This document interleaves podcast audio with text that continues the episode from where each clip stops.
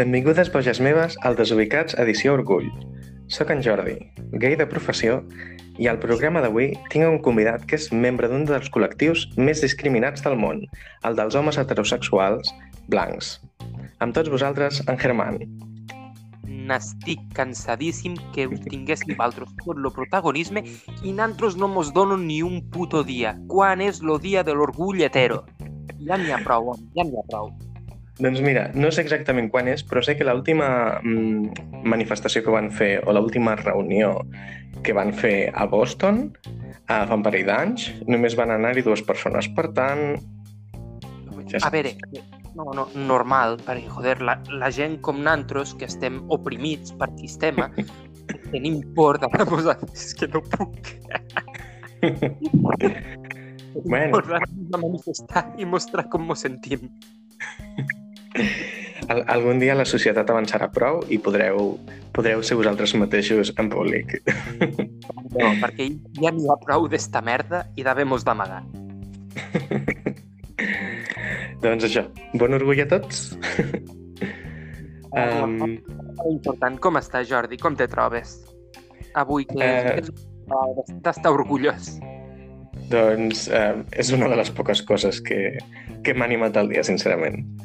Això i, i que hagin aprovat la llei trans. Però abans d'això, tu com estàs? Com ha anat el teu dia? pues mira, el meu dia, francament, ha sigut una putíssima merda i ja m'ha acabat el curs. Això sí, avui ha sigut l'últim dia que he anat a fer de profe. Bien. Ja me, me sap greu perquè se'n van los xiquets, però per una altra banda estic supercontent perquè se'n van los xiquets.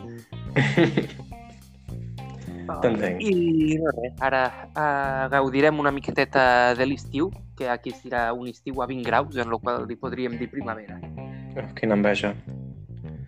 Sí, Bé, anem als temes del, del dia, de la nit, del vespre, de l'hora que sigui anem a, Quan anem a estic- fer a lo que no mos paguen. Exacte. Doncs sembla que finalment s'ha aprovat la llei trans.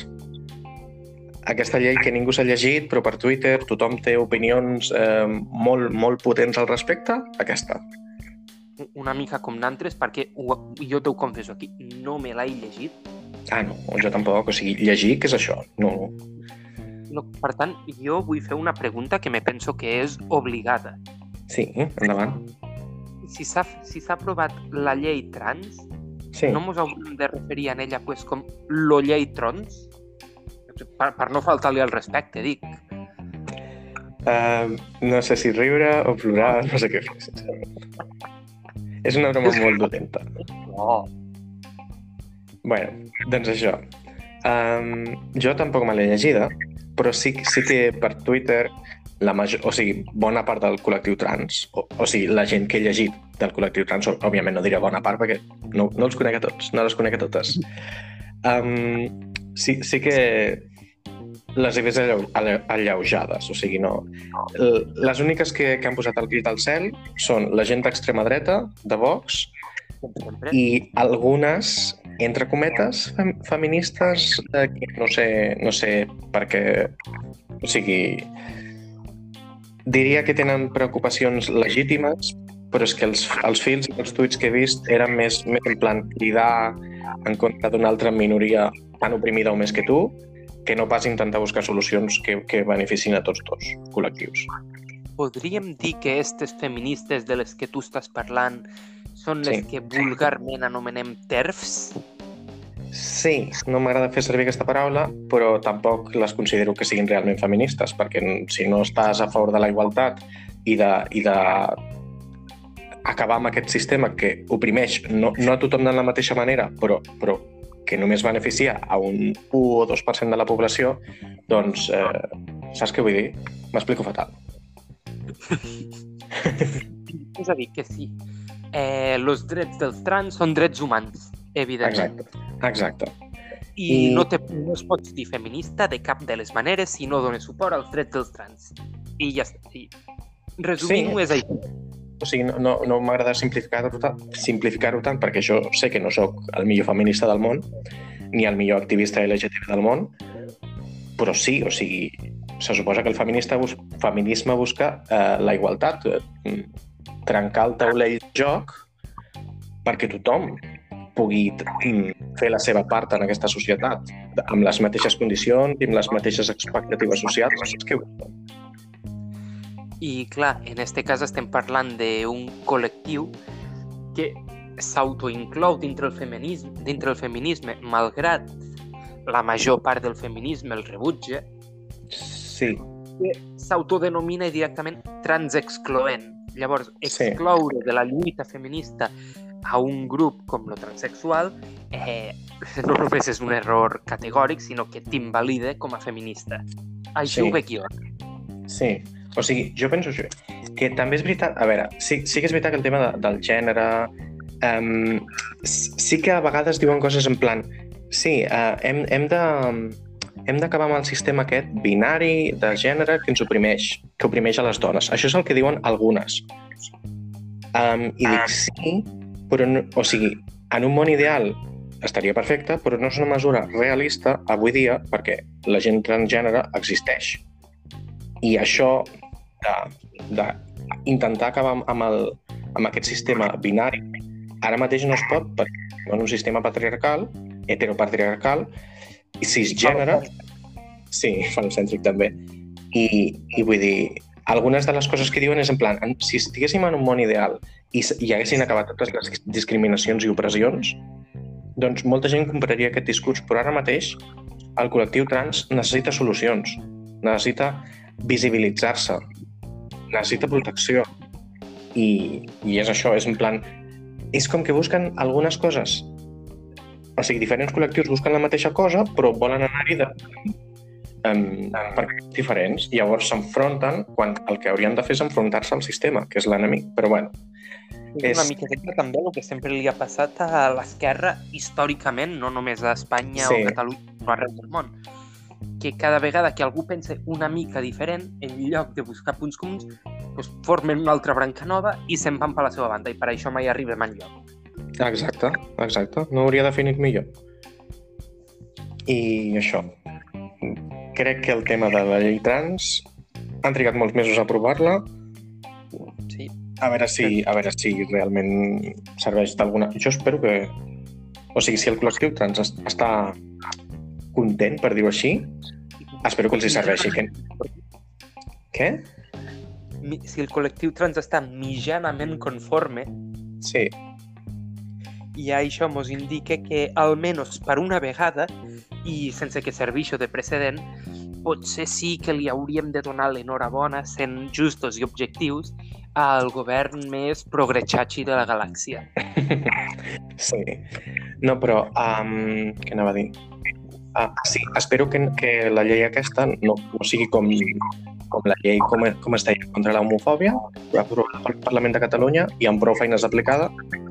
Sí. Espero que no faci com aquesta. Efectivament. El, lo país que tenim no mos deixa ser gaire optimistes, No. Però tant de, tant de bo, tant de bo, tingui un futur molt diferent que, la llei, que el que ha tingut la llei contra l'homofòbia del Parlament de Catalunya, que francament ha quedat en el que vulgarment se coneix com paper mullat. Exacte. I sí, sí que és veritat que sent el, el, el programa Edició Orgull potser podia haver preparat una mica parlar sobre la llei contra l'homofòbia i tot aquest rotllo, perquè literalment fa un parell de setmanes vaig llegir que la major part de les denúncies no arriben enlloc i a part de que, òbviament, moltes agressions no es denuncien directament. Però clar, si, si la major part de les denúncies no arriben enlloc, això és una cosa, és un, és un problema de, de sistema, no d'individus, saps? Claro, evidentment. i no tenia una secció preparada al respecte, però només, només llançaré el meu missatge, que no, no crec que arribi a ningú, però que estaria bé que en aquesta legislatura, que se suposa que és més progressista que l'anterior, perquè hi ha una majoria històrica de- d'esquerres a Catalunya i que són catalanistes i republicans, però d'esquerres la majoria, Suposadament, suposadament. Doncs estaria bé que diguessin, mira, fins ara no ho hem fet bé. No hem aplicat bé aquesta llei, no hem format prou els, els, els, a les forces de seguretat, o sigui, als Mossos, als jutges, a, a tota la gent, o, o sigui, a tot el sistema legal i, i jurídic i policial, etc etc. Tots els, tots els que se suposa que han, de, que han de dir, mira, sí, aquí hi ha hagut agressió, s'ha de fer això, s'ha de fer l'altre, s'ha de fer l'altre, s'ha d'aplicar aquest protocol. Tota aquesta gent, o sigui, si, si la llei no, no s'aplica bé, Mhm. o s'ha de canviar la llei i fer una de més um, exigent, o s'ha de mirar de formar a la gent que està aplicant aquesta llei. Saps què vull dir? És, és només això. Llenço el meu, el meu missatge i que la gent faci el que vulgui amb això. Llança, Jordi, llança. Lo, lo programa és teu. Que no, que és dels dos. Eh, lo... T'anava a dir alguna cosa i ja me n'he oblidat.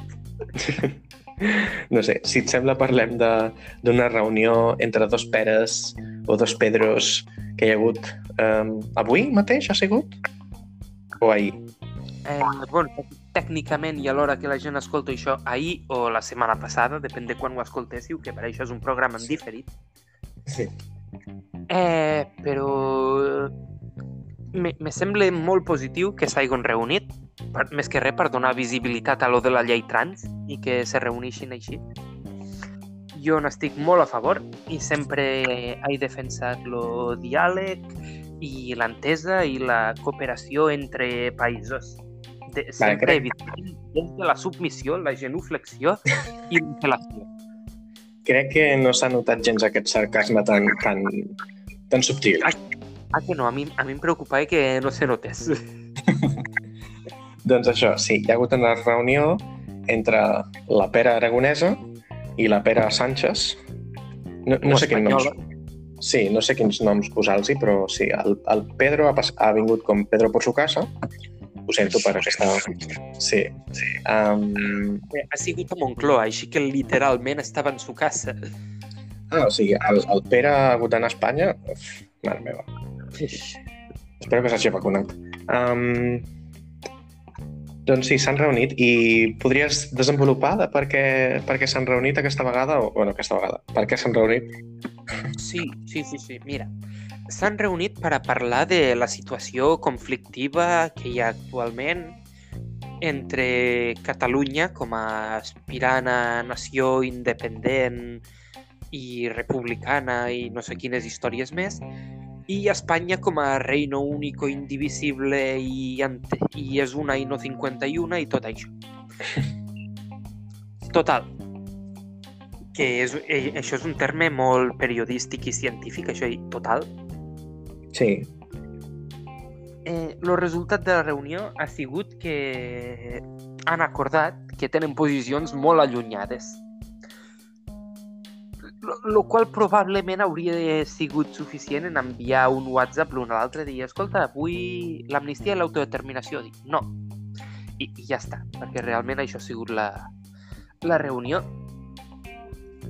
I cal dir que, se- segons mos han explicat fonts pròximes a Moncloa que tenim infiltrades, Sí. eh, quan Pere Aragonès ha tornat al Palau de la Generalitat, la seva dona li ha preguntat què què era allò blanquet que li sortia per la boca.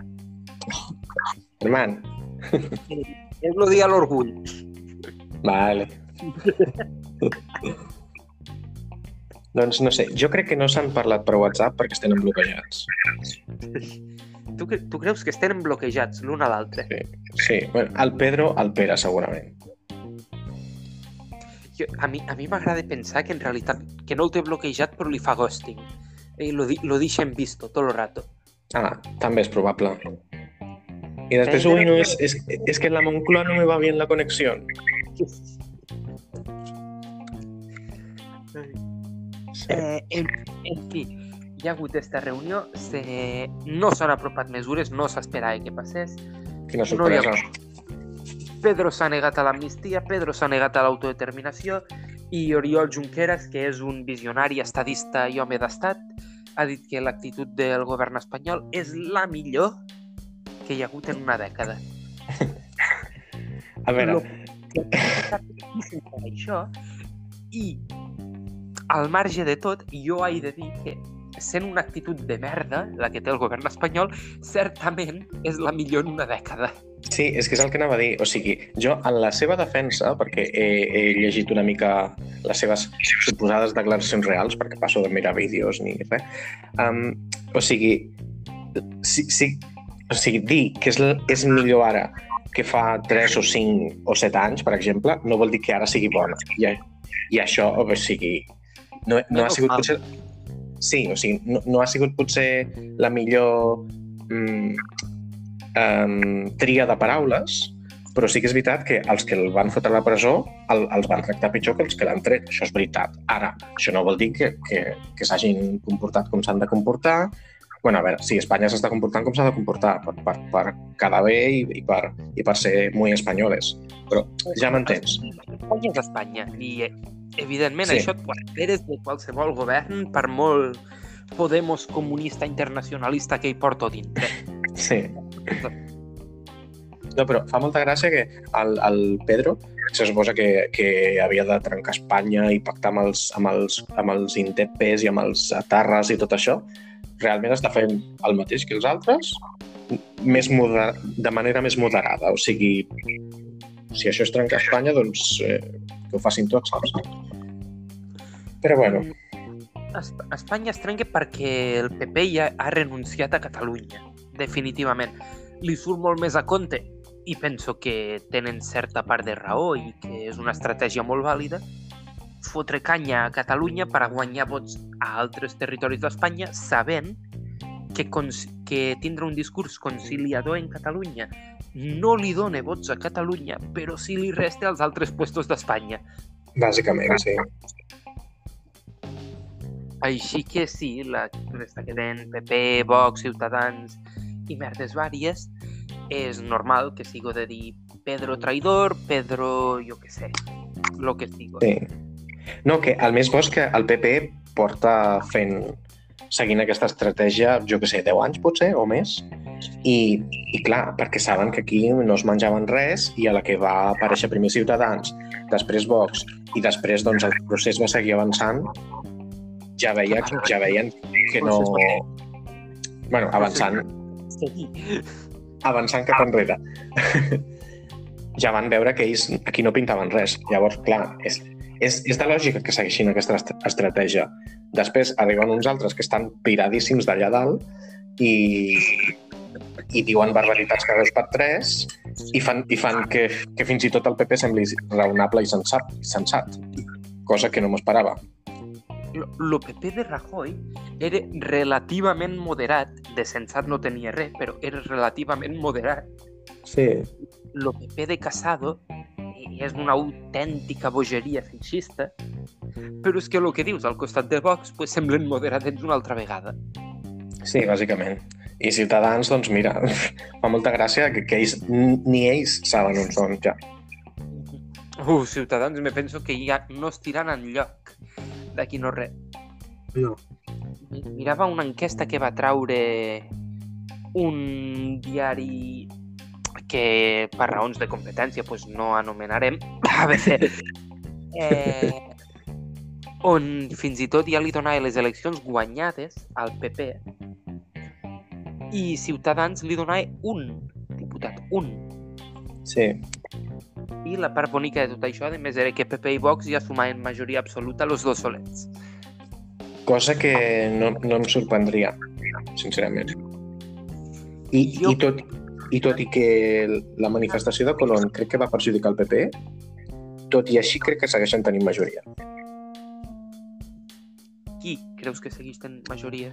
O sigui, PP i Vox, tot i, tot i havent sortit perjudicats de la manifestació de friquis de Colón.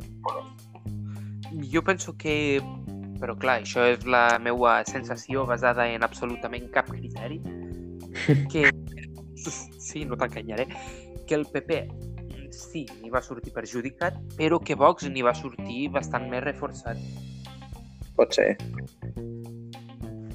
No sé en quin punt se podria traduir això en asientos al Congrés, però crec que sí. Que, no sé, sempre que hi ha una manifestació, lo més radical la guanya. Sí. Això és... Al procés passava el mateix. Cada vegada que hi havia una manifestació, el que feia el discurs més unilateral, que va, quina manera de pervertir la paraula també, el que feia este discurs me, més bèstia era el que s'acaben portant vots. Sí, i després ja quan, quan la gent em deia, hòstia, que aquí les coses eh, sembla que van per llarg. Doncs van anar a les dues opcions més, eh, més eh, d'establishment, de, de fer-ho amb calma, encara que un dels dos no pari de cridar de unilateralitat, però després no, no ho fan. I jo penso, que la, penso que la gent que els vote ho saben, que no tenen cap intenció, però cap ni una, d'adoptar una, una via unilateral. Mm, segurament la major part sí. Ara, hi ha un petit reducte, sobretot, sobretot dels de Junts, hi ha un petit reducte que més que de Junts són Puigdemongers, perquè mare meva. Sí, sí, n'estic totalment d'acord en això. Però fi, també crec que la ombra de Puigdemont està ja molt retallada, és a dir, molt petita. Ho sento molt, és un senyor que al seu dia va fer l'1 d'octubre, ell ho va organitzar, va ser el cap de tot allò, bien. Va ser només ell? No, evidentment va ser un munt de societat civil organitzada, evidentment, però al, cap de, però al capdamunt sí. i, està Puigdemont, i això des d'un punt de vista jeràrquic me, me penso que és inqüestionable. Eh, ara bé, un cop acabat l'1 d'octubre, este senyor no ha fet res més. Se va inventar la crida nacional, s'ha inventat el Consell per la República, que són dos coses més estèrils que mon pare amb 80 anys.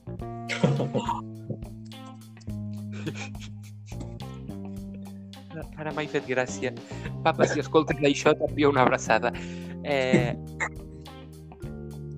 Que no serveixen per res. Les abraçades, ja. tampoc, les, les abraçades tampoc. I depèn de qui te les faigo, igual hasta te perjudiquen. Ja, i els pares estèrils, estèrils tampoc serveixen de res. Um... bueno, parlant de pares estèrils, um, el Tribunal de Comptes ha reclamat, sí, ha reclamat eh, 5,4 milions d'euros a una quarantena de càrrecs i funcionaris de la Generalitat acusant-los de, de promocionar a l'exterior el procés entre el 2011 i el 2017. I entre sí. aquestes persones... Bueno, digues, digues. Los hi demanen un pastissal i, a més, los volen, volen que s'aïllen. Mm, que s'aïllin per què? No ho sé, ho has dit tu. Una quarantena de càrrecs de la Generalitat, allí ah. tots aïllets. Tots um, doncs això, entre aquests estan uh, el Junqueras, com no, um, el, el Puigdemont, l'Artur Mas, o Arturo Mas, Espanya. Um, ah, no, perdó, Arturo Caserio.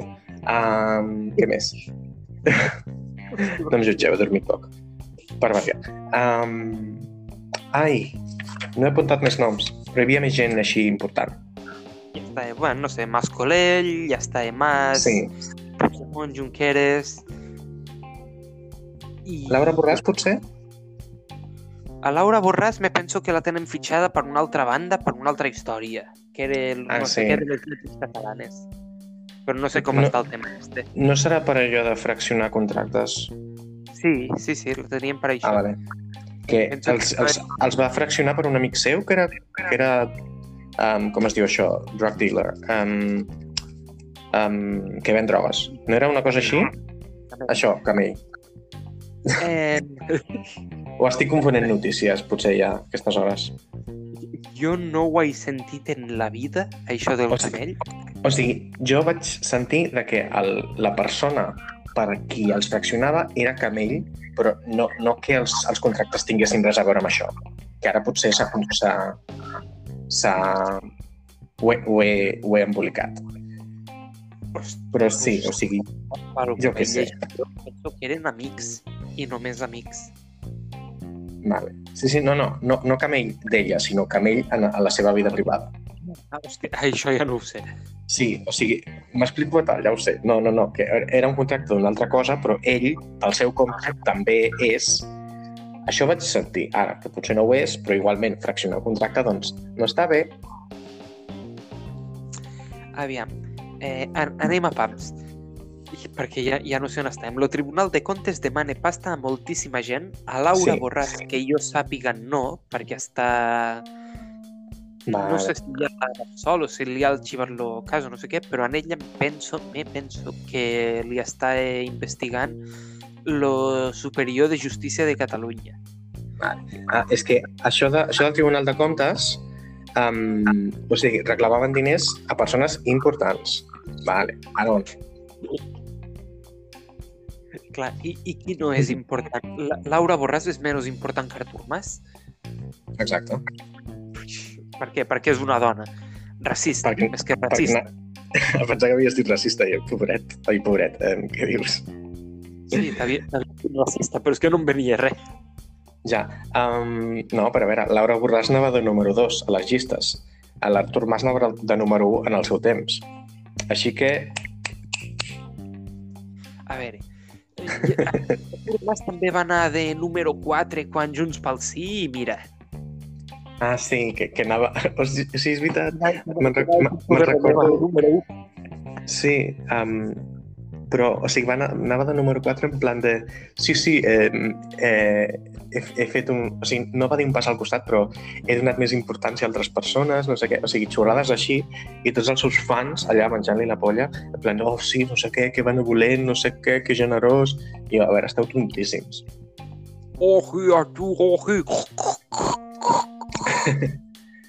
És que el mateix que estan fent ara amb el Puigdemont ho feien amb el Mas. És, és, o sigui, Lo mateix. La societat... canvien...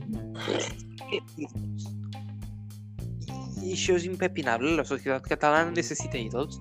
Ha sigut Artur Mas, ha sigut Puigdemont, el seu dia va ser Pujol, el seu dia va ser fins i tot Guardiola. Sí. Així que... El qual és una tonteria com una casa de pagès, però bueno. Catalunya necessita el seu ídol, perquè si no se perd. Necessita... Lo ramat necessita que el vulgui. Malauradament sí. No, però és que són... Suposo que seran els mateixos fans que ara són fans de, del Puigdemont, abans eren del Mas, saps? I d'aquí dos anys seran fans d'un altre que posi el Puigdemont a dit, perquè és que... No sé els seus serveis com rutllen, però... Ara toca ser fan de la Laura Borràs. Sí, no- ara n'hi ha bastants, n'hi ha bastants. O sigui, són, són bastant pesats. En plan, ai, presidenta, la presidenta legítima. Uf, Ai, has vist que bé que ha parlat la Laura Borràs al Parlament que no li ha donat la paraula al tio de Ciutadans? A- Al tio en singular, perquè no hi ha ningú més. ja, ja. No, però és, és, molt, és molt trist en, en el que, en el que s'ha convertit Catalunya, sincerament. Sí. No m'estranya que marxessis. érem un país que, érem la polla, sincerament. Éramos la polla con cebolla. I a partir Ja. del 2000, 2012 ja se'n va anar tot a Norris. Ara no Ja. ni el prepuci. Um, parlant de temes semblants, que, que ens ho hem saltat, per cert, bueno, m'ho he saltat. Um, els dos Peres s'han reunit. Això ho hem... Sí, D'això n'hem doncs... parlat. Sí. Uh, la taula de diàleg es reuneix la setmana del 13 de setembre Uh -huh. i no hi ha massa cosa a dir, a part de que no servirà per res. Ens faran perdre temps, diners, um, portades de diaris um, hiperventilats dient no, això no serveix per res, quan això ja ho sap tothom, però no cal que ens ho reco- recordis, perquè el teu govern, el teu partit també li dona suport encara que digui que no, per tant, sou la mateixa merda. Um, no vosaltres, sinó els, el, la cúpula dels partits, etc. Um, I... i poc... Ah, bueno, sí. Digues, Dis-me digues. pre... dis prespicaç, però estàs pressuposant que la taula de diàleg bilateral entre els dos governs, que són lo del Regne d'Espanya i el de la Generalitat eh, Republicana de Catalunya, no arribarà a gaire bon port? És, és això? Sí.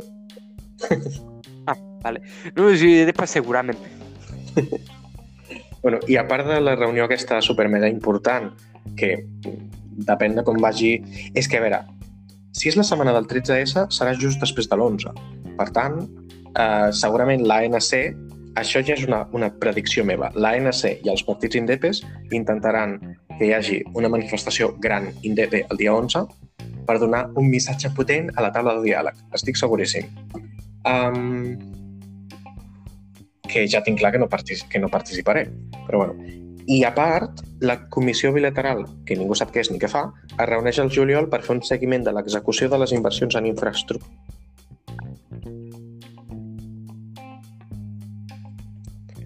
Algun comentari? Eh, està, estava pensant en això que havies dit de la taula de diàleg, però és que me sembla ultra ridícul. La taula? O sigui, sí. Però és que, clar, estem tornant una miqueta a marejar la perdiu perquè n'hem parlat ja mil vegades i que Junts per Catalunya hagi acceptat, igual que la CUP, donar Sí. dos anys, que dos anys de marge Sí. Només per a constatar un fracàs absolut, evidentment darrere d'estos dos anys hi ha la intenció de tirar endavant procés i que dia passi autonomia empeny. Això per descomptat. Sí. Però que s'hagi rebut en, tan bo, en tanta alegria, tant a Junts com a la CUP com a Esquerra, me sembla com a mínim mm, sospitós o revelador de- d'alguna cosa. Revelador de... de què? No sé, sincerament. De, de que la gent se ho empasse tot. Ah, i sí. de que, que evidentment no hi ha democràcia interna a cap partit. A la CUP, que són els que més se vanten de les assemblees i tal, tampoc, que també se'ls ha de tocar això. Quan la CUP accepta els dos anys de taula de diàleg, això és una decisió que no se sotmet a assemblea. Ja, això és veritat, mira. I mira I que no, no, no sóc militant, però podria votar igual, no? No, em penso que a les assemblees de la CUP Oh. hi voten els militants, De mandra. que és lo, lo que pague, lo que milite pague. Sí, sí, sí, clar, clar. Doncs això, que... No, però sí, pensava que... El... A veure, potser una assemblea d'aquestes eh, extraordinàries o com es diguin, no no n'havien fet, però una mena de, de reunió al respecte, potser sí, però si dius que no, doncs tampoc em sorprèn. Segurament hauran fet reunió la, la cúpula de la CUP, que vulguis que no també és un, partit en cúpula, Sí. i, i hauran dit fem això perquè mos interessa més. Perquè, evi- evidentment, ni, ningú vol tornar a votar ara mateix. Però Ja. si, si torna a votar, el més probable és que guanyo illa en majoria absoluta. Ah, però... No, a veure, mm, que, no, que no ho vol ningú, això és veritat. I que, que possible... És que, clar, podria sortir de qualsevol manera, perquè les enquestes deien en plan, sí, sí, majoria absoluta igualment, però clar, quina participació, perquè qui anirà a votar? I si va poquíssima gent a votar, pot passar qualsevol cosa. Encara que la pandèmia ara estigui més controlada que abans, saps? És, és, és complicat. Uh, però ja ho vam comentar i dona igual. Clar, perquè tampoc, tampoc és ara cosa de dir no votem perquè tenim por que us contagieu. Ja. Jo este, este argument jo no me'l menjo. Bueno, ara no, perquè ara ja hi ha moltíssima gent vacunada. Clar, Que ara, efectivament. que ara, ara parlarem també del tema de les vacunes, però bueno, i, però sí, o sigui, digues el que vulguis dir. No, jo només t'he dit que lo, la raó fundamental per la qual tots accepten fer això és perquè són dos anys que se passen ja sense rendir comptes a ningú. Mm, tard o d'hora, i penso que serà més d'hora que ara, eh, explotant a la cara i serà quan tindrem una altra vegada un govern del PSC en los comuns a Catalunya. Uf, I, i, sí, però me penso que això és lo, lo futur del país, vulguis que no. A veure, no, ja es veurà. No, però jo penso que si passen dos anys i els d'aquí fan veure que volen pactar, arribar a acords, etc i el PSC els hi dona nos, nos, nos, nos, això pot, pot beneficiar el sector aquest de catalans que estan en un punt intermig, saps? O sigui, beneficiar-nos a nosaltres per portar-los, ja m'entens? Això és l'única cosa, l'única cosa que puc dir. Mira, els dos anys aquests perduts poden servir per això.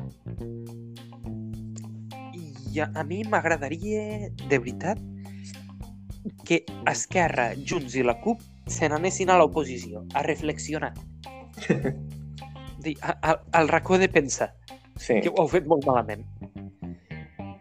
I encara que això vulgui dir que mos hem de menjar un, un govern de, pues això, de, de PSC i comuns.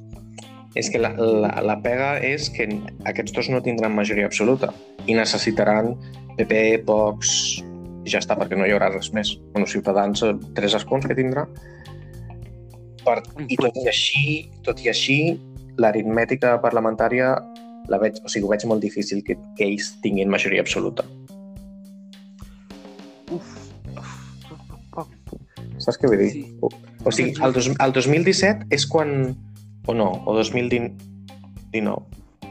El, no recordo quines eleccions. Sí, 2017 va ser quan més a prop semblava que estaven ells d'aconseguir la majoria, que es van quedar a, 60, a 64, sumant els comuns i tot. M'estàs parlant ara de, de Ciutadans? O sigui, el, els no indepes. Sí, quan va guanyar Ciutadans, que tenien 35, no, 36. Sí. I Però després després- tots... O sigui, entre tots, els no indepes tenien 64 o 65 escons i nosaltres teníem 70. Sí, nosaltres no? en 70, llavors compta fins a, fins a 135. Doncs 65, sí. I clar, Sí. eh, va ser quan més a prop es van quedar. Tot i així són 5, 5 escons que són, eren tranquil·lament 200.000 vots eh, ben, ben posats a, a Barcelona o, o, o, o més vots repartits en totes les províncies. I això era molt difícil. Sí, sí, sí. No, era, era impossible. Per això dic. Fet, I de fet era el 2017. Sí. I era quan estaven els, els unionistes més mobilitzats. Per això dic... Sí, però sí, per- l'independentisme també. Sí, però ara... Mm, o sigui, veig més... En, encara que l'independentisme no estigui mobilitzat, com per exemple ara, l'unionisme és, és, és molt, molt, molt difícil agafar aquest 20% que mai votava, que va votar. És, és molt Sí. difícil tor- tornar-lo a agafar perquè ja no estan les coses com abans i han sigut com 3 o 4 anys de, de, de fer el pluricó amb el tema dels presos polítics i hi ha molta gent que vulguis que no diu mira, jo no sóc indepe, però jo passo de votar perquè segueixin fent-los mal, saps què dir? Ara estic potser um, empati fent, empatitzant massa o fent veure, posant-me massa a la seva... No sé, és igual. Que, que sí que, que hi ha gent que, que només votaria en, en condicions extremes com les que es van donar el 2017 Clar. i ara ha canviat molt, molt la cosa. I, i ara ja han, vist, ja han vist com són les coses i és difícil que es tornin a mobilitzar d'aquella manera. Pot passar, no et dic pas que no, però és difícil. I a més a més, molta d'aquella gent que es va mobilitzar fa 4 anys, eh, tic-tac, o sigui, la major part eren gent gran. Uh -huh. Hòstia, hòstia. A veure, és veritat, anem a ser, anem, anem a ser, anem a ser clars, o sigui, la major part de o sigui, l'unionisme és, és més de, de, de o sigui, És ell. Sí, és que anava a dir edat avançada, però no necessàriament, perquè, jo que sé, la, la gran major part tenen entre 50 i 65 anys, per, per dir-ho així. Però clar, si passen 5 o 10 anys, eh, i, i, i més si, seguim passant per pandèmies i coses així, eh, és normal que no vulgui mobilitzar-se. Uh -huh. I se- i s'esgotaran ràpid. I... Però aviam, però en, en qualsevol cas, eh, l'unionisme se mobilitza quan Catalunya i Espanya estan en conflicte directe i salten espurnes. I aquí estem parlant de l'unionisme de dretes. Sí, L'independentisme, tant d'esquerres com de dretes, només se, només se mobilitza eh, brutalment en el mateix cas. És a dir, la tensió entre Catalunya i Espanya afavoreix de la mateixa manera a l'in- a l'independentisme en global com a l'unionisme de dretes. sí. Perquè l'unionisme d'esquerres, que és el que ens falta aquí, va a votar sempre. Que és el que correspon al PSC i és el que correspon a Podemos. És l'unionisme d'esquerres.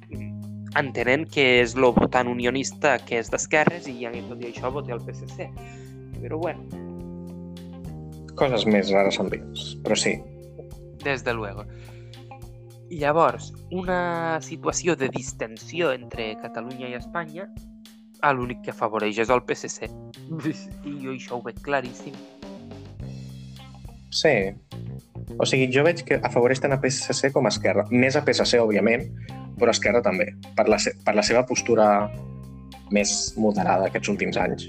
Que ja, ja vam dir, ja hem dit a diversos programes de que, segon, almenys segons la meva opinió, eh, obeeix a una estratègia crec jo que ben pensada, encara que no ben comunicada per les xarxes, i, i sí que els afavoreix en aquest sentit. Ara, que afavoreix més el PSC està claríssim, sobretot per al, per al tema de, de vot útil entre l'unionisme, que abans era Ciutadans, ara és PSC, i seguirà sent PSC perquè ni Vox eh, pot aspirar a res, ni PP pot aspirar a res, ni, ni Podemos pot aspirar a res, ni Ciudadanos pot aspirar a res. L'únic que pot aspirar a tenir alguna cosa aquí a Catalunya per la seva postura històrica és el PSC. Per tant, es, es fan pinya tots allà i tot i així passa el que va passar al 14F, que van fracassar. Sí, o sigui... Clar, però és que és això, el 14F no és, no és extrapolable perquè, clar, en un context de pandèmia i de desmobilització, mm. les dades t'indiquen que si extrapolen els resultats a tot Catalunya, en lo millor dels casos tens un 52% d'indepes, cosa que jo crec que és mentida, però això és el que indica l'extrapolació de les dades. Sí. I això és molt perillós perquè hi ha els discursos estos que volen continuar agafant gent i te diuen que en 52 no són prous. I això és un discurs molt perillós perquè mm. en algun lloc has de traçar la ratlla. Sí. No, a veure, a mi em sembla... A veure, no, no ho diria tan perillós, però sí que em sembla innecessari. No sé, a veure, dic, dic que amb el 52% no som suficients, òbviament és mentida. Sí que ho som. Si fóssim realment el 52, que ara no ho sabem per la merda participació que hi ha hagut, però és que estem tornant al tema que vam tractar ja l'altre dia. O sigui, Clar, anem a... Que... en bucle. Sí, anem al tema següent, un tema que és bastant més... Eh, algun dia ja farem un capítol dedicat a... O sigui, un especial a eleccions, quan hi hagi unes altres eleccions, i si d'això ja... Mos mengem tot el temps parlant sempre d'això i al final... Sí, sí, sí. sí, doncs això. Um, sembla que la gent de la meva edat, entre 30 i 34 anys, ja podem demanar cita per vacunar-nos. Bien! Hombre! La vacuna! El vaccí. El vaccí. Perdó, perdona, en Virgili, m'he equivocat. No tornarà a passar. Sí, el més bo és que no sé d'on ha sortit això del vaccí. M'ho vas explicar tu i m'ho va explicar algú a Twitter, però segueixo... No cal que m'ho expliquis, prefereixo sense recordar-ho. La cosa és... La cosa és...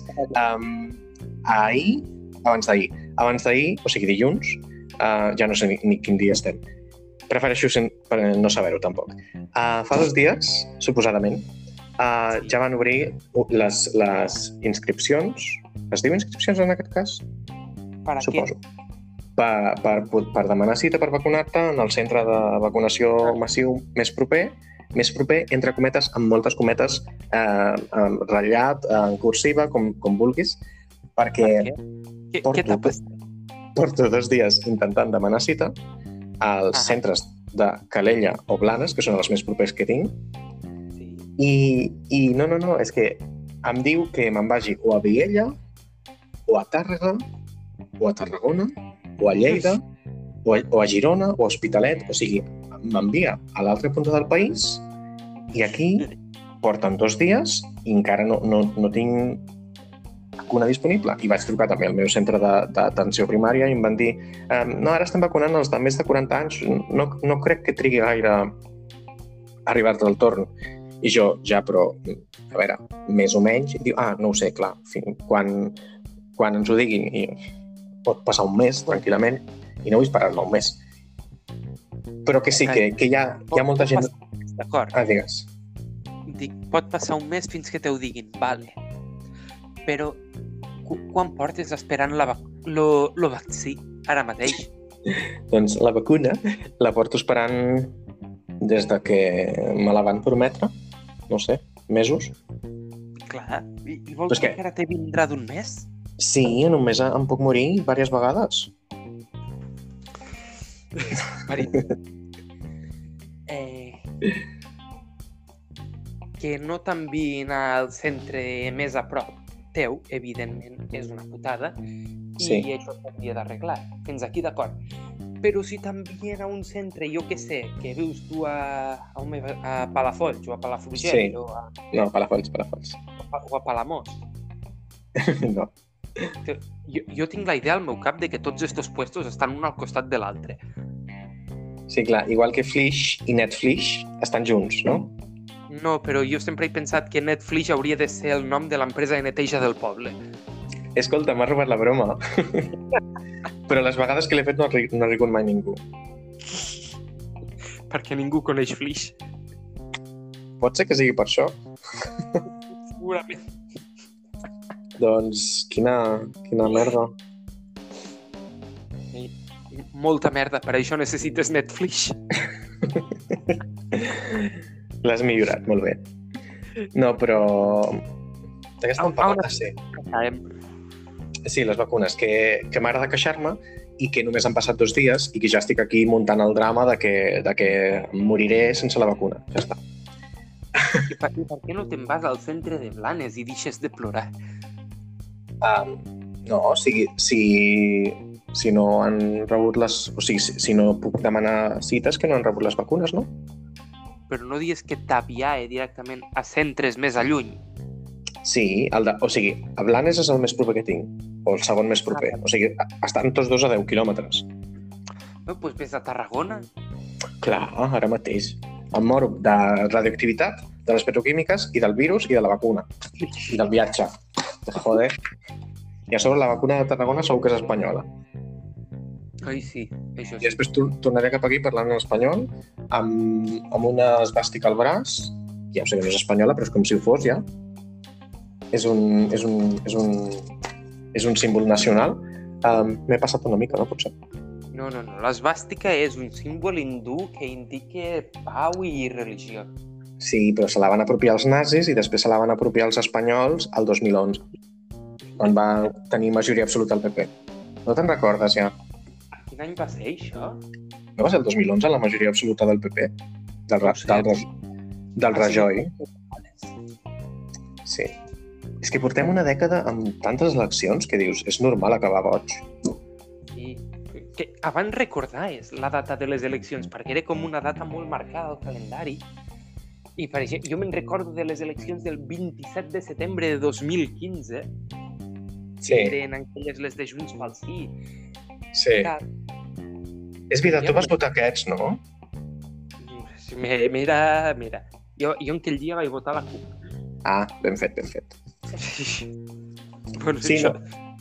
És que, ah, pensar que eres tu que m'havies dit que vas estar a punt de votar junts. Pel sí. m'ho No, no vaig sabies tu.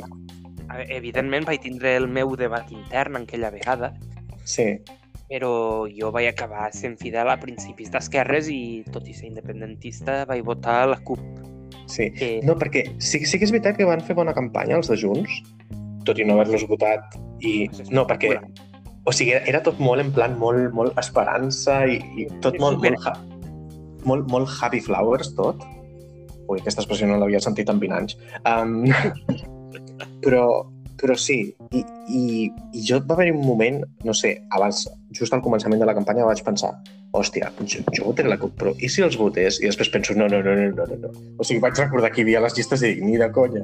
No. Exacte, això mateix me va passar a mi.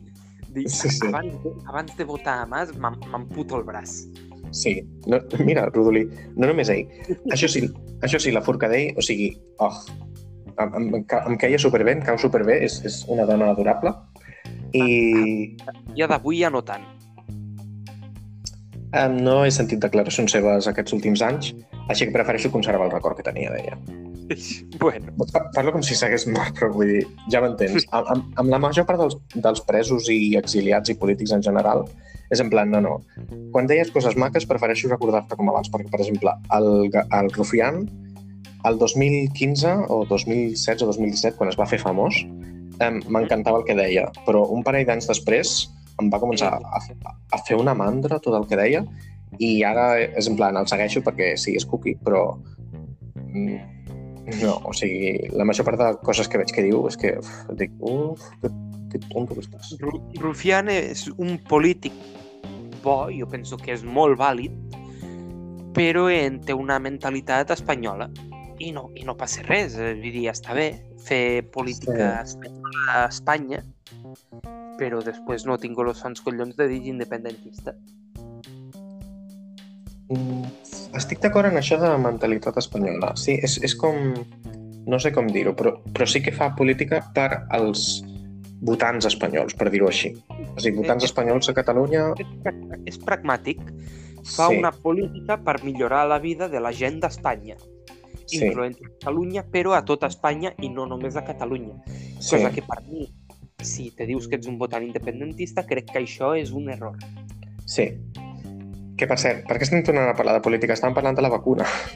sí, no ho sé, sempre anem al mateix puesto. Ai. Vull dir, sí, sí, no, a mi també em passa.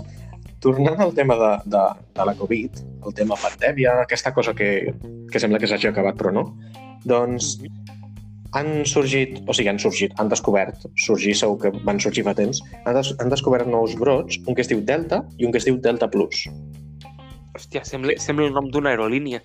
Sí, o sigui, sí, és en plan, quin tipus de, quin tipus de, de, de pla de vol vols? Quin tipus de seient vols? Vols eh, el pla, com es diu això, business, Delta, Delta Plus? És igual. Um, doncs això, el Delta, que va sorgir a la Índia, és més contagiós... Que el Delta Plus. No, és més contagiós que, que el, el que teníem aquí fins fa res. I el. Delta Plus, el Delta Plus encara no se sap.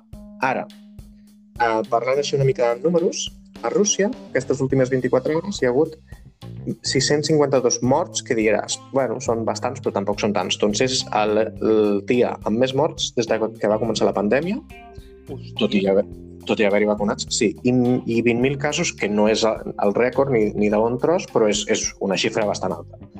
Espanya, sí, sí, sí és, és, o sigui, i estem a estiu. consider considerable. Sí, i estem a estiu, a plena onada de calor, a tot el est d'Europa, Rússia inclosa, o sigui, a saber com acabarà. A Espanya s'han Oh, doblat no. els... Hòstia, té una Ja. onada de calor. Arribaran als 4 graus. No, no, però em sembla que a Lituània han, han superat el, els... Ai, ho he llegit abans, 35 graus? No sé si era Lituània, però el, el, a la zona del Bàltic, en un lloc, han superat els 35 i, i m'he quedat, no fotis, no fotis, no fotis. Bé, 35 graus és caloreta, però tampoc es fa morir. Sí. A veure, que era, era una zona bastant al nord i bastant a l'est d'Europa, o sigui, és una zona que acostuma a estar bastant freda. No, no en plan Sibèria, però freda. I que diguis 35 graus a finals de juny, encara queden dos mesos més i mig d'estiu, tres mesos, Bueno, ja m'entens. És igual. Després, tema casos. Espanya. En l'última setmana s'han doblat els nous casos i tenint en compte tot el que està passant i totes les festes i, i, els, i Sant Joan, que va ser un caos, ja ho dic ara, um, i els dies posteriors a Sant Joan també, perquè vaig sortir dos dies després i va ser l'absolut caos, um, doncs ja, ja et dic ara que els casos augmentaran bastant. I a Regne Unit, Campeones, campeones. Ue, ue, ue. Ja, ja està. molt bé. Doncs a Regne Unit, a Regne Unit m'has dit tu les xifres abans de casos, no? Sí, a Regne Unit eh, va arribar la pandèmia al seu tope Sí. als voltants del gener del 2021 en un total de 70 i pico mil casos. Una barbaritat. Des del, des del gener i en el ritme de vaccinació se va aconseguir reduir fins a 2.000 casos diaris.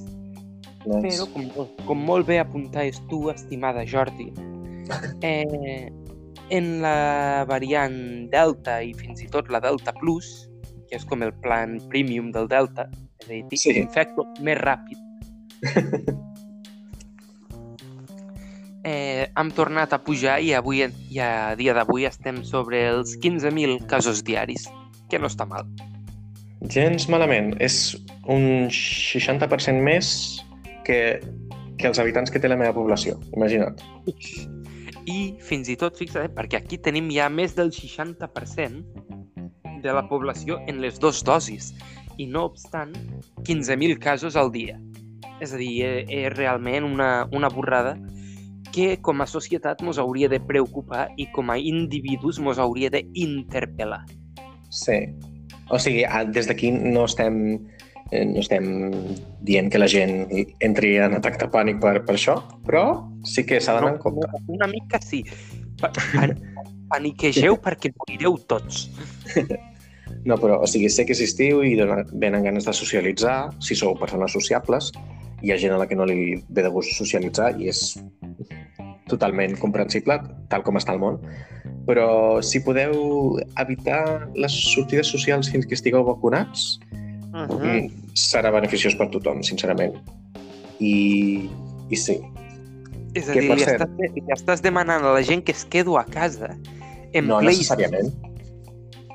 No, a veure, per exemple, hi ha, gent, hi ha gent que diu mira, ara tinc vacances o és cap de setmana, no sé què, vaig a la muntanya, a, a passejar, a la ombra, etc. Pots fer això, però en comptes en un grup de 10 persones, en un, jo què sé, amb el teu grup bombolla, saps? O pots no anar de festa i anar, per exemple, a llocs a l'aire lliure, a la platja, que, tot i que això és el que van fer el cap de setmana passat, i ja t'ho dic, les platges estaven, les de Barcelona estaven a rebentar, no sé com hi havia tanta gent, i... O sigui, després, dos dies després de Sant Joan, que la gent se suposa que ha d'estar amb ressaca encara, no, no, no, estaven les platges a petar, el divendres a la nit. I... Digues, Digues, tira, tira, tira. Ah, no, No, això que, que, que em va sorprendre negativament i em va agobiar una mica perquè jo havia sortit expressament pensant no hi haurà gaire gent, no m'agobiaré.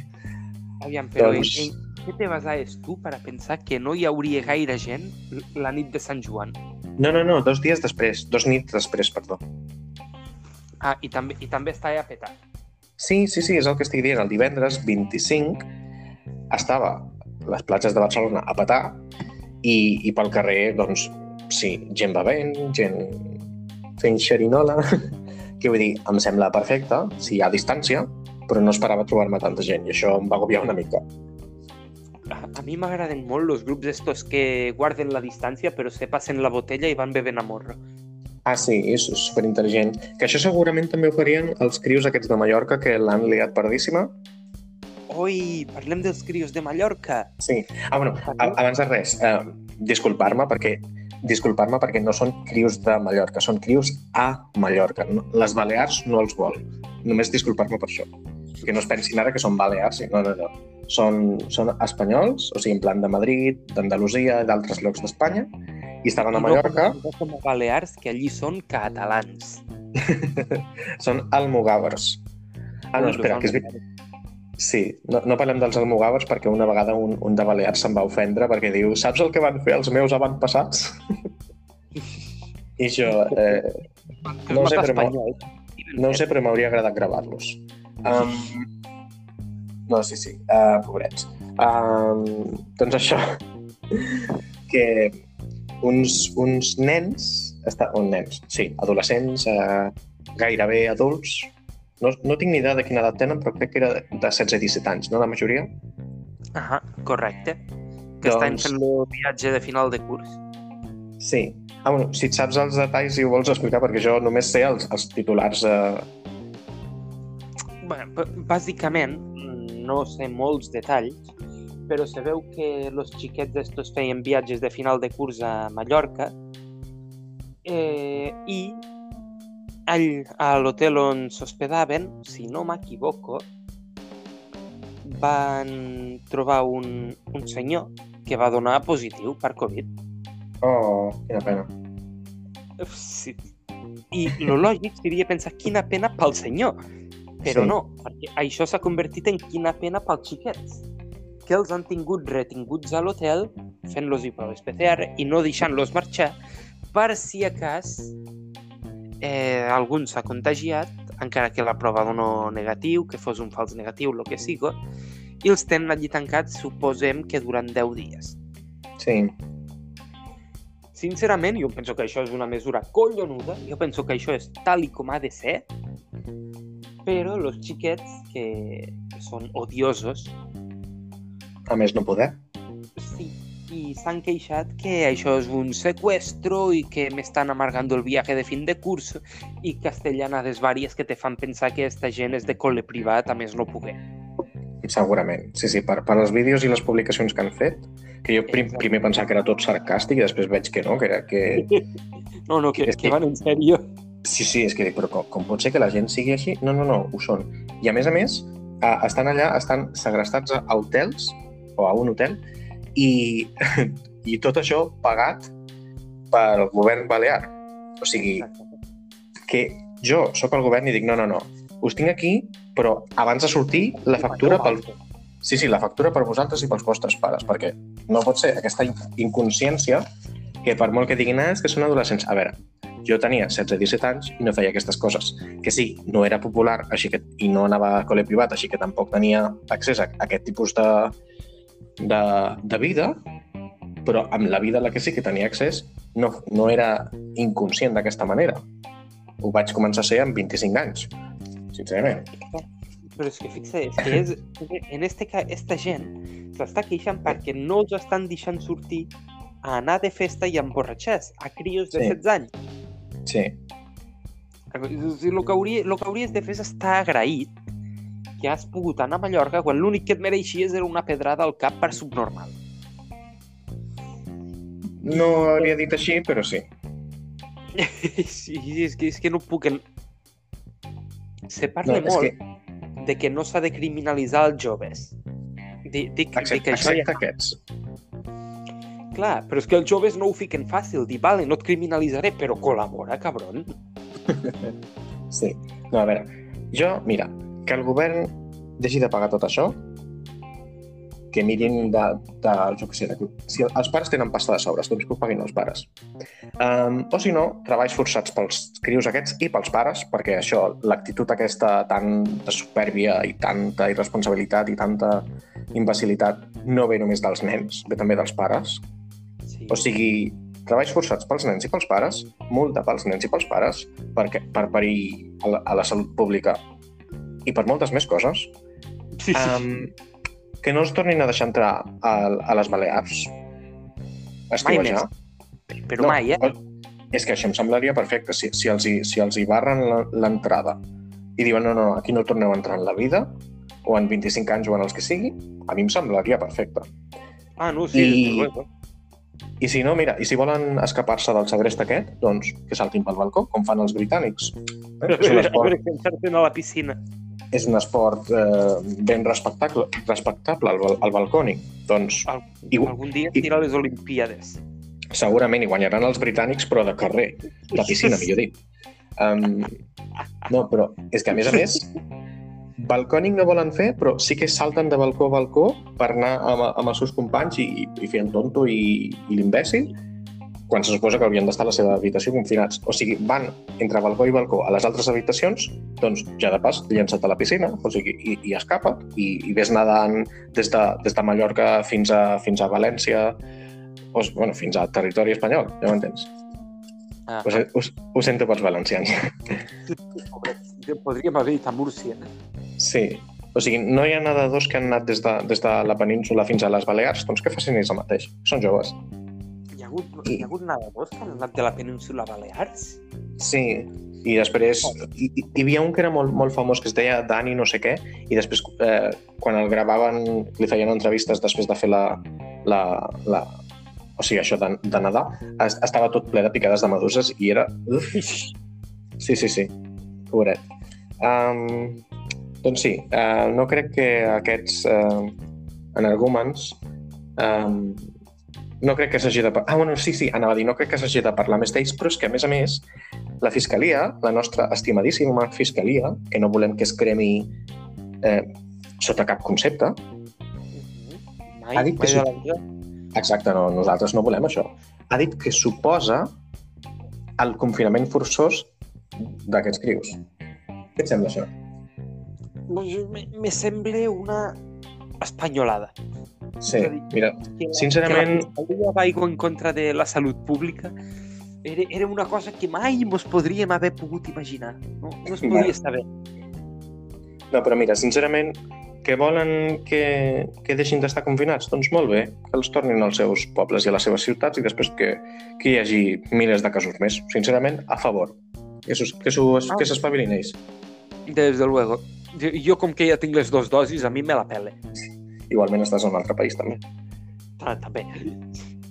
Bueno. Per, per si a cas. Sí.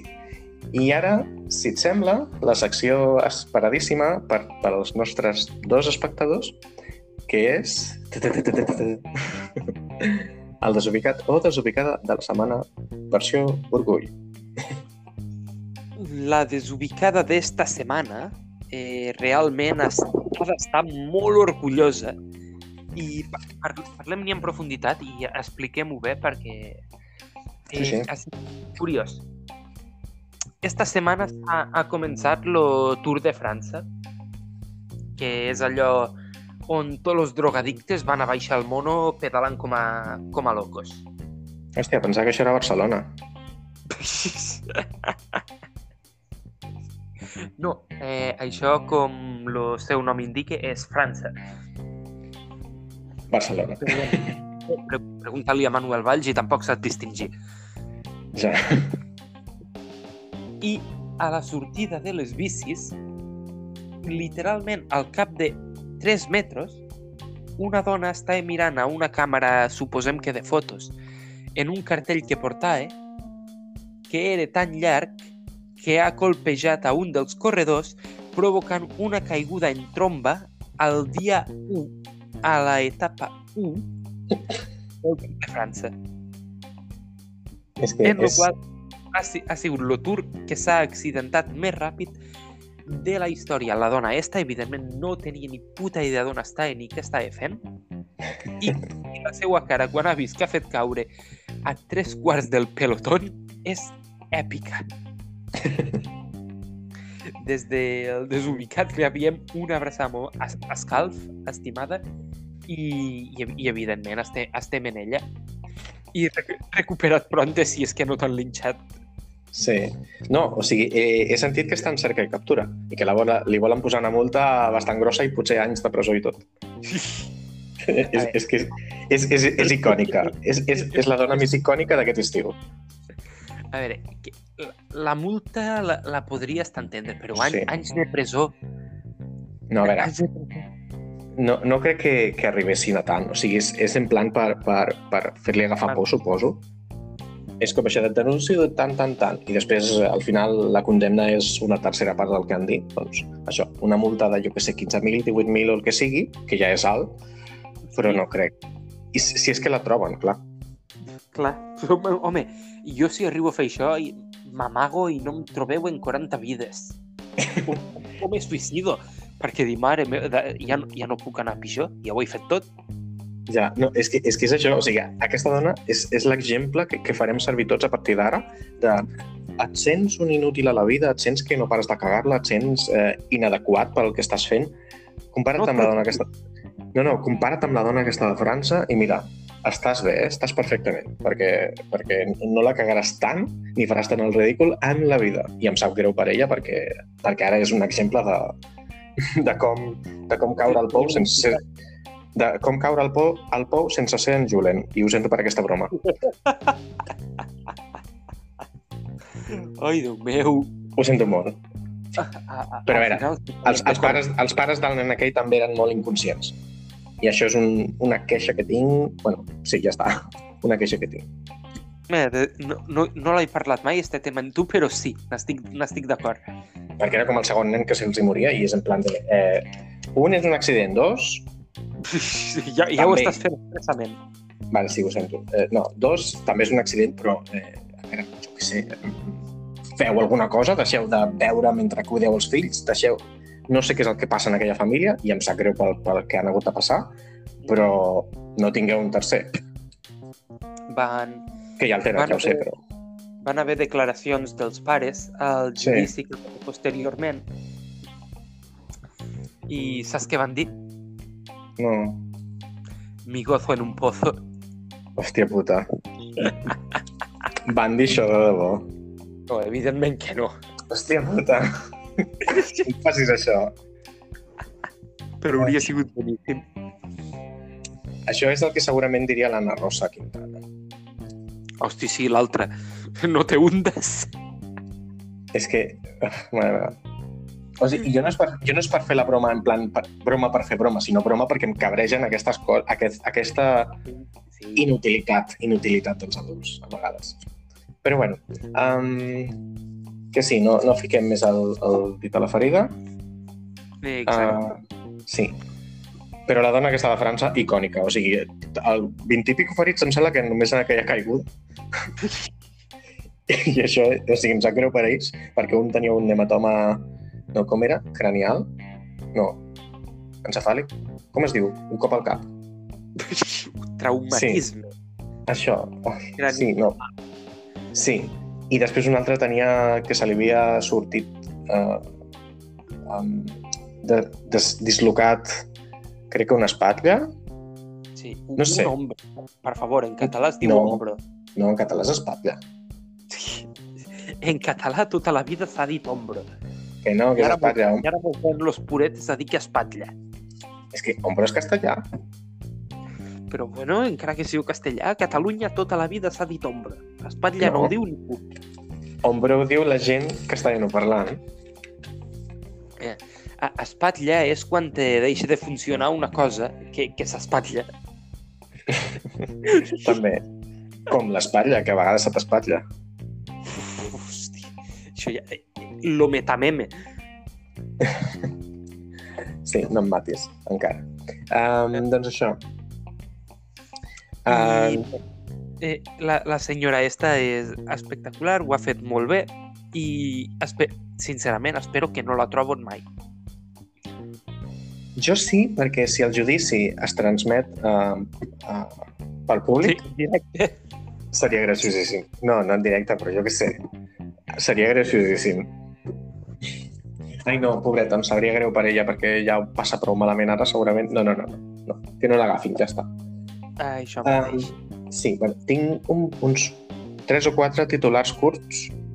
Si vols, els faig i després fem la teva secció especial. Vinga, passem al, tit al titularet.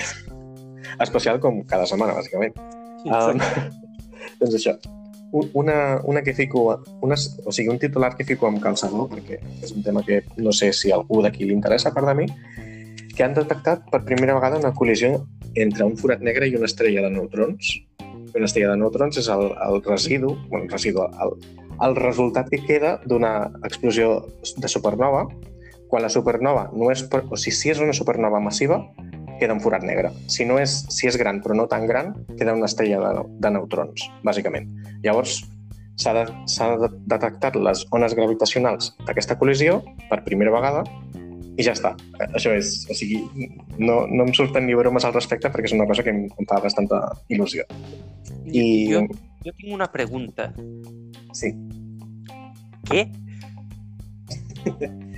Doncs, bàsicament, um, no, no sé sincerament què respondre, uh, que no hi ha massa informació al respecte, perquè és la primera vegada que es detecta i només s'han detectat les zones gravitacionals i, i s'ha detectat la zona de, del, del cel o de l'espai, com li vulguis dir, a on està. O sigui, s'ha s'ha reduït bastant el, el radi d'on pot haver sigut. Ja està.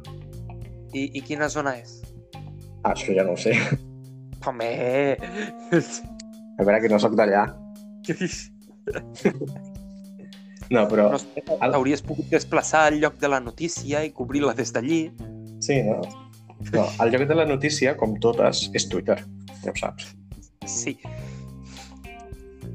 No, però bàsicament, a veure, mm, això és, és titular perquè no hi ha més informació ara mateix i fins d'aquí uns anys que no detectin més, no n'hi haurà més. Després, D'aquí uns anys. sí, clar, perquè les col·lisions aquestes no són tan comunes. Perquè això era un sistema binari que orbitava l'estrella de neutrons i el forat negre orbitaven l'un al voltant de l'altre, saps? Uh -huh. I això... Com estàs copiant tota aquesta descripció? Ah, no, això ho he llegit abans i se m'ha quedat perquè l'astronomia és un tema que m'agrada. Vale, vale. P Prossegueix.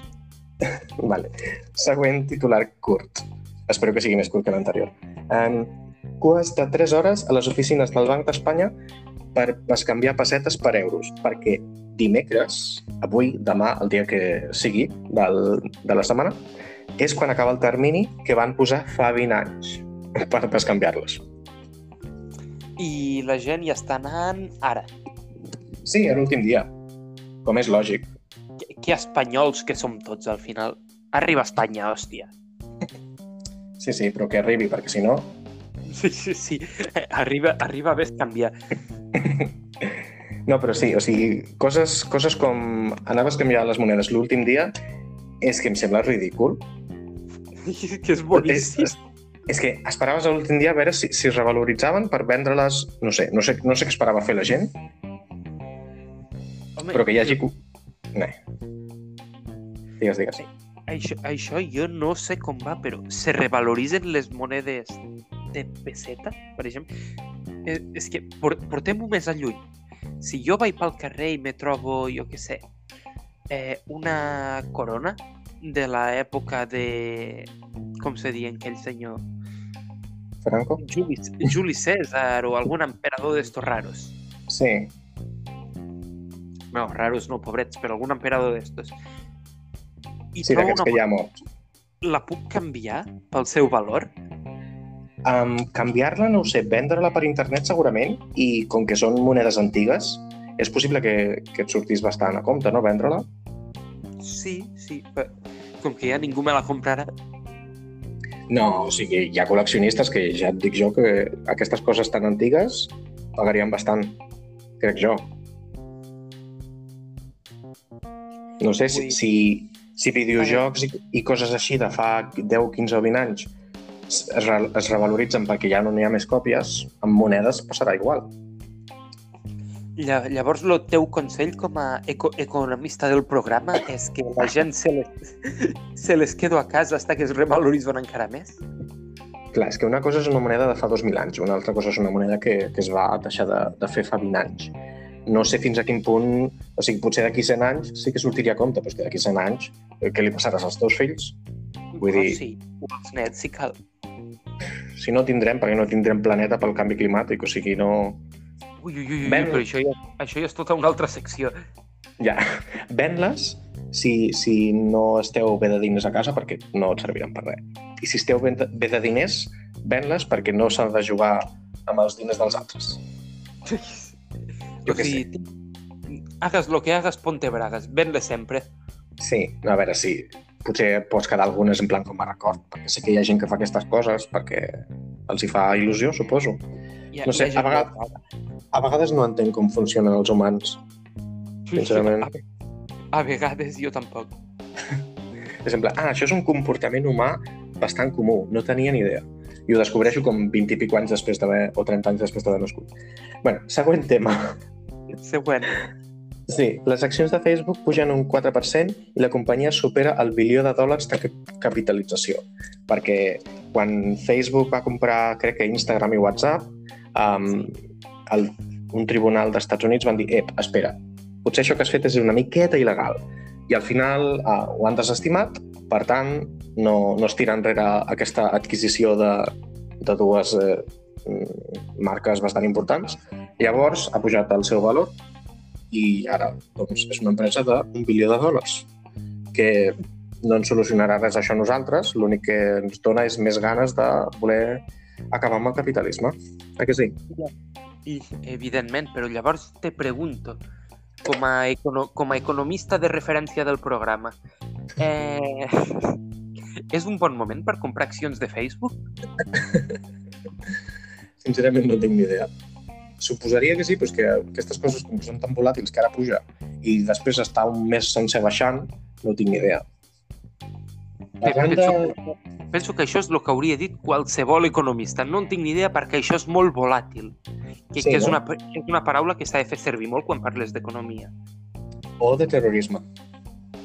O de-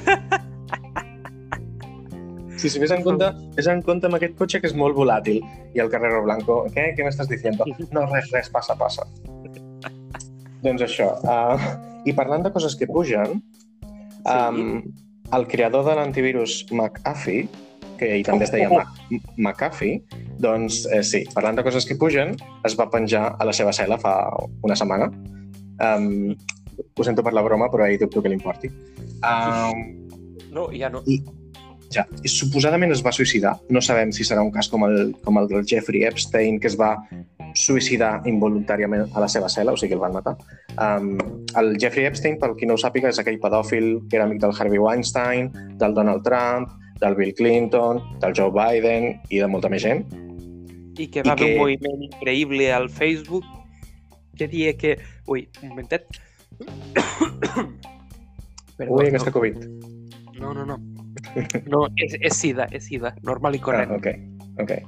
En, en honor a l'orgull, no? Sí, en honor al Gurk.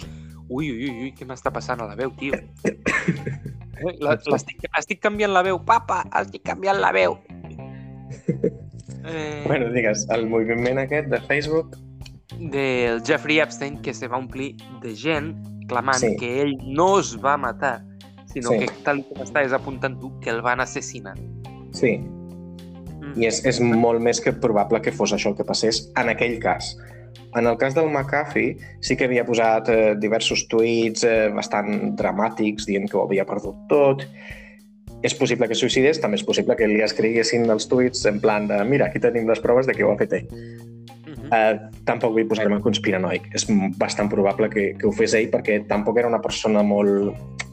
No sé, si veieu entrevistes d'aquest home, eh, era, era bastant, bastant personatge.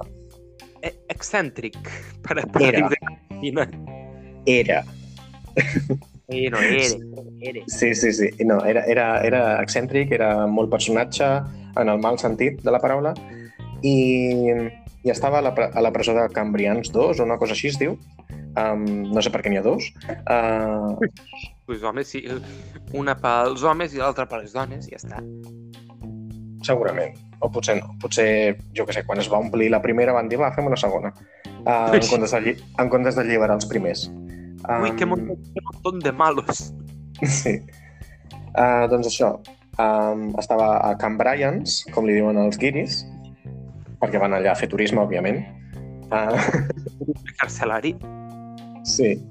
I sí, suposadament es, es va penjar i això és tot el que volia dir al respecte. Només que, bueno, al, al final el creador del virus s'ha penjat igual que el virus en una actualització. I- Ho sento, però... est- Esta broma la portaves preparada de casa? Sí. Tenia una altra que... Tenia una altra que l'he oblidada. No, tenia una altra que l'he oblidada, però era una miqueta més bèstia. Dic, saps què? No, millor no, que potser és massa, de massa mal gust per al nostre oient que encara quedi per aquí. Bueno, bueno, bueno, bueno. Com, Sí. com a mínim esta vegada has fet los deures. No està mal. Sí. Uh, vale, doncs uh, ara toca la teva secció. Jo, després, per acabar, sí que, com que és l'especial orgull, encara que no haguem parlat gaire, sí que, no sé, potser faig un mini comentari que sincerament no sé què diré, però, bueno, ara et deixo tu la teva, el teu espai, el teu espai hetero. pues sí, perquè com a bons oients heteros, blancs, cis, eh, jo què sé, falocèntrics i totes aquestes coses que se diuen que són molt veritat perquè som molt homes i ningú mos ho ha de traure, anem a parlar de futbol. Que, que realment no sé per què no en parlem tot el programa, que és de l'únic que s'hauria de parlar en esta vida. Però bueno, parlem de futbol, parlem de la Eurocopa. Ha sigut espectacular el partit entre Espanya i Croàcia. Espanya anava guanyant dos, eh, 3 a 1, perdó, fins al minut 86. Al minut 86, Croàcia fa el 3 a 2 i al minut 94, eh, havent-se'n afegit 6, Croàcia fa el 3 a 3 forçant una pròrroga. Brutal, espectacular, un partit d'anada i tornada sense mig del camp. Què passa? Que la pròrroga Espanya després ha fet dos gols i ha guanyat i passa a la següent fase? Oh, quina pena, puta Espanya. Eh, després tenim una de les grans favorites per a guanyar l'Eurocopa, que era França, i dic era perquè ha quedat eliminada als penaltis contra Suïssa, en un altre partit que també ha quedat 3 a 3, però al llançament de penaltis l'ídol francès Kylian Mbappé ha fallat el seu penalti demostrant una vegada més que quan se li, toc, quan se li toca jugar contra equips més o menys bonets, no és més que un jugador regular. I finalment, i en això acabo, avui hi ha hagut partit, avui ha jugat Anglaterra contra Alemanya, que era el partit més esperat de probablement de tota l'Eurocopa en el que portem fins ara, perquè són dos grandíssimes seleccions. Anglaterra s'ha imposat 2 a 0 de manera molt còmoda contra una Alemanya que, tal com a l'època del Tercer Reich, està en liquidació. Està a mig gas.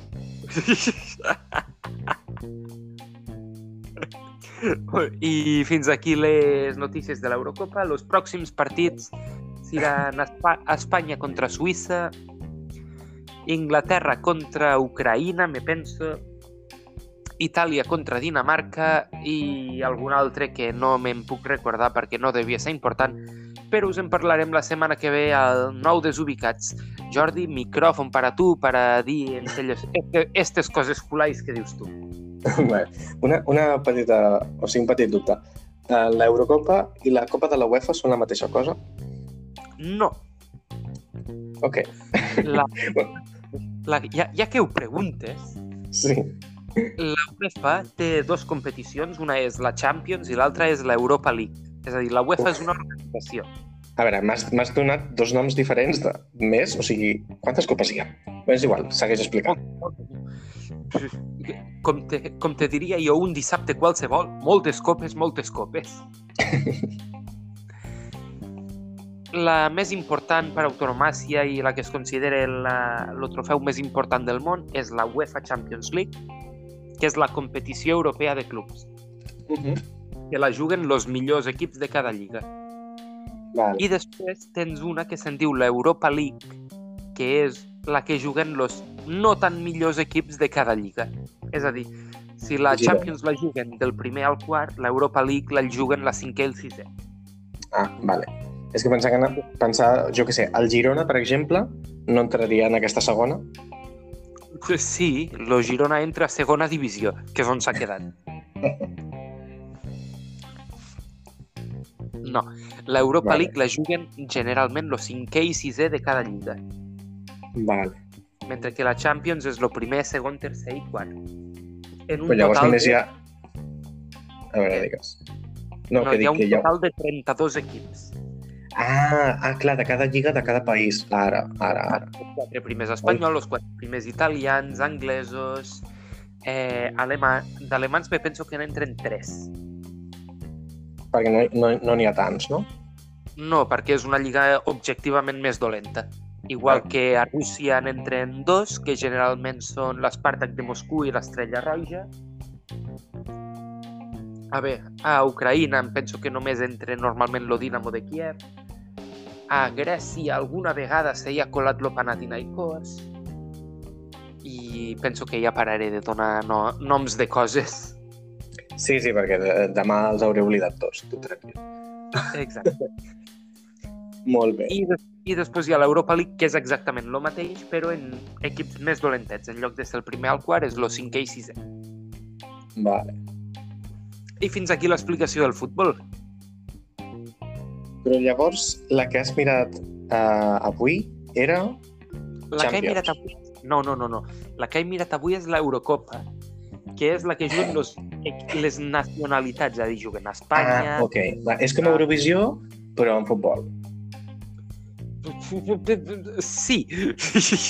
Però És- sense... és una sobresimplificació d'events, però sí. Vale, sense tant d'espectacle i sense tants ferits. Exacte. Va, I la ok. mateixa quantitat de borratxos. Sí, i la mateixa quantitat de gais. Sí, Ups. també. He, he revelat coses que no hauria d'haver revelat. doncs això. Uh, tornant al tema de l'orgull, doncs, no sé, era, era només que volia així parlar una mica per sobre de, de la situació del, del col·lectiu, potser. A veure, sí, sí que és veritat que estem, estem molt millor, òbviament, que, que els anys 90 um, i que al principis dels 2000, possiblement, o mitjans del 2000, però sí que en aquests últims anys veig que amb l'ascens de l'extrema dreta, no sé, puja, puja la, les agressions homòfobes, pugen els discursos cada vegada més, més radicals, transfobs, a vegades homòfobs també. O sigui, és com que socialment està acceptada l'homosexualitat, tant en homes com en dones, i la bisexualitat està bastant invisibilitzada, però es comença a visibilitzar una mica i, i està bastant acceptada també. Però de LGBT a la T i després a la gent no binària, a intersexuals, etc etc. Um, aquests, com que són coses que, que potser no, no, no han tingut gaire visibilitat, sí, sí que veig que hi ha molt, molt de molt d'odi, sigui per desconeixement, sigui per, sigui per pur odi. O sigui, Rebuig, el que no coneixes. Sí, sí, rebuig, odi, desconeixement, el que sigui. I sí, sí que veig que, no sé com dir-ho, és, és com que està pujant la LG, LGBTI-fòbia, és complicat de dir-ho, però no, no contra gais, um, jo que sé, en plan de classe mitjana, blancs, contra aquests no, perquè aquests estan cada vegada més assimilats dins, dins del sistema, uh -huh. Però la resta del col·lectiu sí que segueixen rebent mo molta LG LGTBI-fòbia. I és això que, o sigui, ja que és el dia de l'orgull, o sigui, ho era ahir, i ja que és el mes de l'orgull, um, doncs, no sé, una reflexió de cara al nostre únic oient de que no sé realment fins a quin punt hem avançat. Sé que ens queda molt per fer, encara, òbviament, i, per exemple, la llei trans i les reaccions de, de certs sectors suposadament progressistes de la societat, doncs, deixa bastant a desitjar. Um, i, i, és, i és, un, és, un, és una mostra més de fins a quin punt hem avançat i fins a quin punt estem tan bé com, com creiem. O sigui, òbviament, això no és Rússia, això no és eh, Iran, no és eh, Turquia, tot i que algun dia parlaré de, del, de la subcultura gay turca que hi ha per Twitter que, mare meva, em trobo cada cosa a vegades que dic, no sé... A veure, a veure, a veure. Ah, perquè em penso que aquí has agafat paraules aleatòries i les has barrejat juntes i t'ha sortit subcultura gay turca. Sí. Algun dia parlaré d'això, perquè és un tema que, que, o sigui, cada X temps trobo... Mm, no sé com explicar-ho, però sí, que, que crec, crec que la societat turca és, és una mica diferent que la resta d'Orient Mitjà, en el sentit de que, a veure, òbviament l'homosexualitat no està ben vista públicament, però sí que hi ha com una subcultura, si, si busqueu per Twitter ho trobareu i, i us quedareu de pedra, um, d'homes que tenen vida normal, però després tenen relacions amb homes... I... Però són gais. Sí, o sigui, és, és, és tot... I, I parecia normal. Sí, o sigui, és, és que... O sigui, cada X temps em trobo, saps, amb el típic perfil així de casualitat i després em porta a una altra subcultura nova i jo en plan, de què està passant aquí? Per què són tan raros? En el bon sentit. Um, no, però és igual, m'estic desviant del tema. Algun dia parlarem de sexualitat, de sexualitat sana, de tipus de sexualitats, això, i, i si, si algun sexòleg vol participar amb nosaltres, que ens ho digui per Twitter, tot i que encara hem de recuperar el compte de Twitter de desubicats, perquè el Germán no sé què coi va fer amb el seu telèfon i la valia parda, però ja ho, ho hem de fer, ho hem de fer. Però algun dia, algun dia hem de parlar de sexualitats, ja més endavant. Hem de desenvolupar bé el tema i hem d'instruir-nos bé, però sí que es troben per internet moltíssimes coses que us quedeu, uau, però tornant al tema de, del col·lectiu i del, de com està el col·lectiu, la situació del col·lectiu, que m'enrotllo massa, ja ho sé, ho sento. Doncs això, una petita reflexió de... No estem tan bé com, com, com ens agradaria creure, i m'incloc a mi mateix, no, no estem tan bé com m'agradaria creure, estem molt millor que fa 20 anys, estem molt millor que fa 15 anys, o una mica millor, bastant millor, però sí que veig el perill de l'extrema dreta que a la que canvi una mica el discurs no anirà només a per les persones trans, no anirà només a per segons quins tipus de, jo què sé, eh, gais femenins o persones eh, de gènere no binari, eh, sinó que anirà directament a per tot el col·lectiu. I, i l'extrema dreta cada vegada és més, és més sorollosa i té 40.000 altaveus encara que diguin que no, i és un perill que sempre està allà i aquests últims anys és, és, més, és, és més notori i per això dic, tinguem cura i sobretot de, de la gent LGTB a la nostra vida estiguem a la white i celebrem-nos. Ja està. Alguna cosa a dir? Ja, ja està. No, no, no, jo no, no podria afegir res més. No me toqui a mi tampoc fer el discurs este de clausura, tot això. Us ho deixo per a vosaltres, que evidentment ho, ho feu bastant millor. Només te vull fer una pregunta molt, molt ràpida i en això ja tanquem. Digues. Has parlat de la por a l'extrema dreta, el qual ho comparteixo, penso que és un element perillosíssim. Ara bé, li estem fent nantros el joc a l'extrema dreta parlant de l'extrema dreta al nostre programa? Bona pregunta. La respondrem al proper programa. No ho sé, Pues al sincerament. És possible. O sigui, li estem donant més importància de la que hauria de tenir, potser. Uh -huh. Possiblement, sí. Perquè fixa't, en el nostre programa parlem un total de, jo què sé, un 10% de l'extrema dreta contra un 0,2% dels intersexuals. Tens raó. Tens tota la raó. Això mos ho apuntem pel futur, és una cosa que mos, compre mos comprometem a millorar. Sí, autocrítica. No Autocrítica. extrema dreta. En fin, gràcies per aguantar-nos en l'especial Orgull 2021, un programa que certament ha durat molt més del que hauria hagut d'haver durat, però com que ja coneixeu el Jordi, ell s'enrotlla i s'enrotlla i s'enrotlla i s'enrotlla i a vegades no només en les paraules. Escolta. En fin, com us, com us diem sempre, estimadíssims, fins aquí hem arribat, mos veiem la setmana que ve en més merdes. Visca Catalunya, puta Espanya i visca l'orgull.